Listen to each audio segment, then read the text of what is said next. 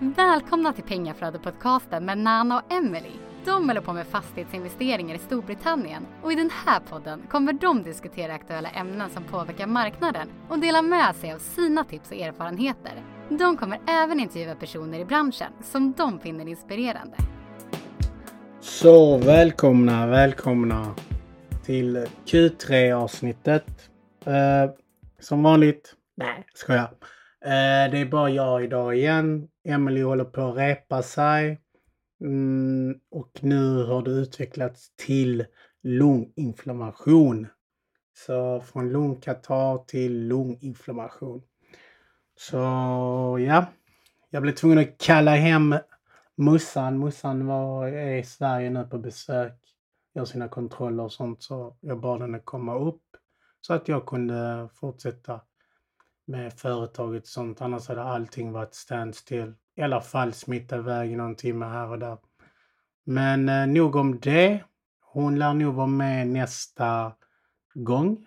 Vi har mycket som händer nu.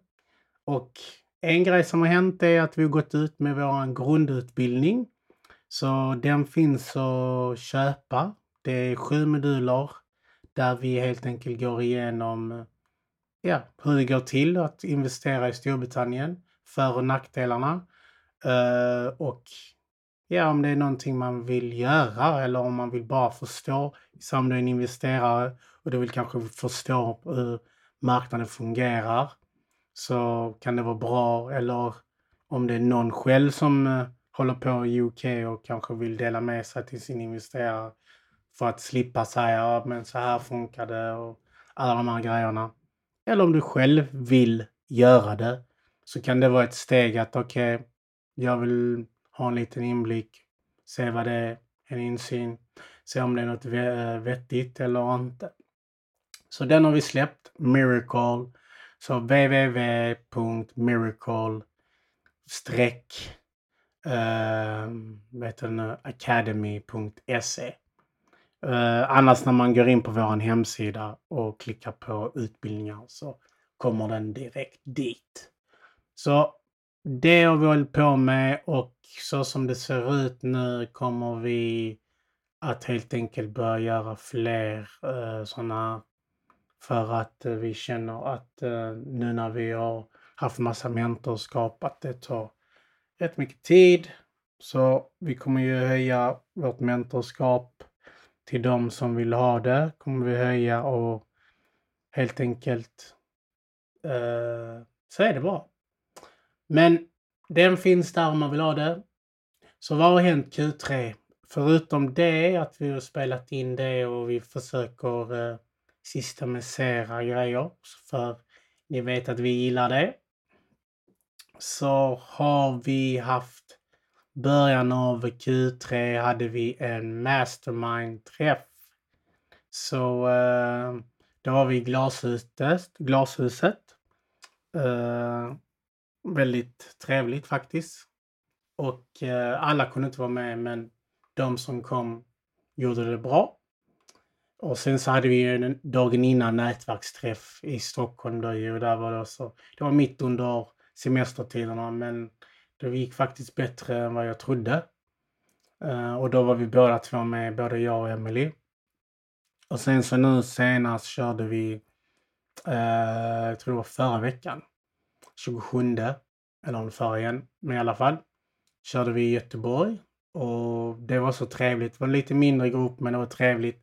Och det var människor från Malmö som tog sig hela vägen upp för att de ville helt enkelt vara med. Så det var roligt. Vad har jag mer eller vi mer gjort? Jag har varit på jättemånga nätverksträffar. För eh, syns man inte, finns man inte. Och sen så gillar jag ju nätverka. Så jag har varit på många. Uh, jag var på min första markevent förra månaden och sen så var jag på en förra veckan. Så det är ju en eh, community för fastighets...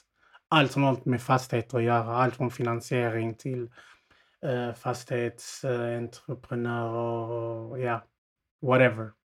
Så det är kul faktiskt. Man vet inte vem man träffar på de mötena och det var, än så länge har det varit bra. varit på ett seminarium.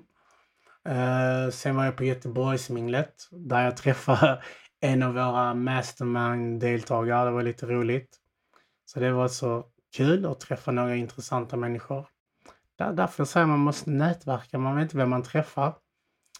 Um, sen så när jag var i Stockholm på den här Follow the Money-podden och eh, Kapitalet så passade jag på att träffa vår, samma, en av våra samarbetspartner. De hade faktiskt fått för sig att åka till Stockholm. Eh, så vi satte upp en eh, brunch innan jag åkte iväg. Så det var ju trevligt att träffa personen. Eh, väldigt trevlig tjej. Sen var med fler BNI jag varit på. Och sen så var jag på ett som heter Ben. Det var så trevligt. Uh, schyssta tjejer som har, har hand om den. Och sen har vi utbildat oss. Uh, vi har helt enkelt bestämt att vi vill finslipa på det här med att racea pengar. Uh, vi kan det, men man kan alltid uh, bli ännu bättre på det. Uh, jag är så, du vet, även om det kostar pengar och vi kanske vet, typ än så länge det jag har gått igenom, så vet vi typ 90 procent av allt det där, då är det är inte nytt för oss. Men det räcker med att typ 10 procent eller 5 procent av det som är in, innehållet, om det gör en förändring, det, det är guld värt. Så uh, vi ville finslipa på det. Så vi always learning, du vet. Uh, sen är det ju självklart att huset blir färdigt under Q3. Det var väldigt skönt. Det skulle egentligen bli färdigt Q2. Men it is what it is. Blev klart i september och det avsnittet har ni redan hört. Uh, vi ska dit nästa månad. Så då kommer vi göra en massa content. Vi kanske kommer göra en live när vi går runt i huset. För vi ska gå och titta på två av våra hus. Så den ena med de fyra lägenheterna. Och sen eh, den andra eh, enfamiljshuset ska vi också gå och kika på.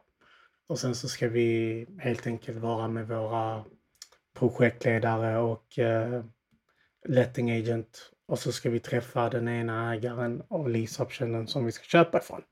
Så det blir en fullspäckad dag det där. Utöver dagen innan är vi ju i Birmingham på den här eh, PIN Annual Dinner Birmingham med vårt eh, mastermind och eh, kursdeltagare. Så det kommer att vara jätteroligt. Eh, klä upp sig och nätverka och bara umgås. Jag gillar det här med vår mastermind och våra kursdeltagare, elever eller whatever ni vill kalla det för alltid. Jag vet inte, det känns konstigt att säga elever, men ja. Men det är de ju, eller kursdeltagare. Det är väldigt roligt att, eh, att man umgås med samma drivna människor och så, så att man gör saker ihop. Så om du känner dig att du kanske vill vara i en sån omgivning, passa på, eh, kontakta oss så kan vi se vad vi kan göra om det, om det är right fit. Mm. Sen, vad mer har vi gjort? Um, ja, vi har börjat titta på lite större deals som eh, jag har sagt innan. Än så länge har vi inte fått napp, så vi har en, eh, en av våra VAs som eh, VAs, om ni inte vet vad det är, så är det virtual assistant, ni som är nya lyssnare. Så hon är från Filippinerna och hon skickar meddelande, mail till uh, vet du, estate agent, alltså mäklare och letting agent, och fastighetsskötare slash uthyrningsagent. Uh, där hon helt enkelt skriver att vi letar efter ett visst objekt och om de har det så får de jättegärna kontakta oss.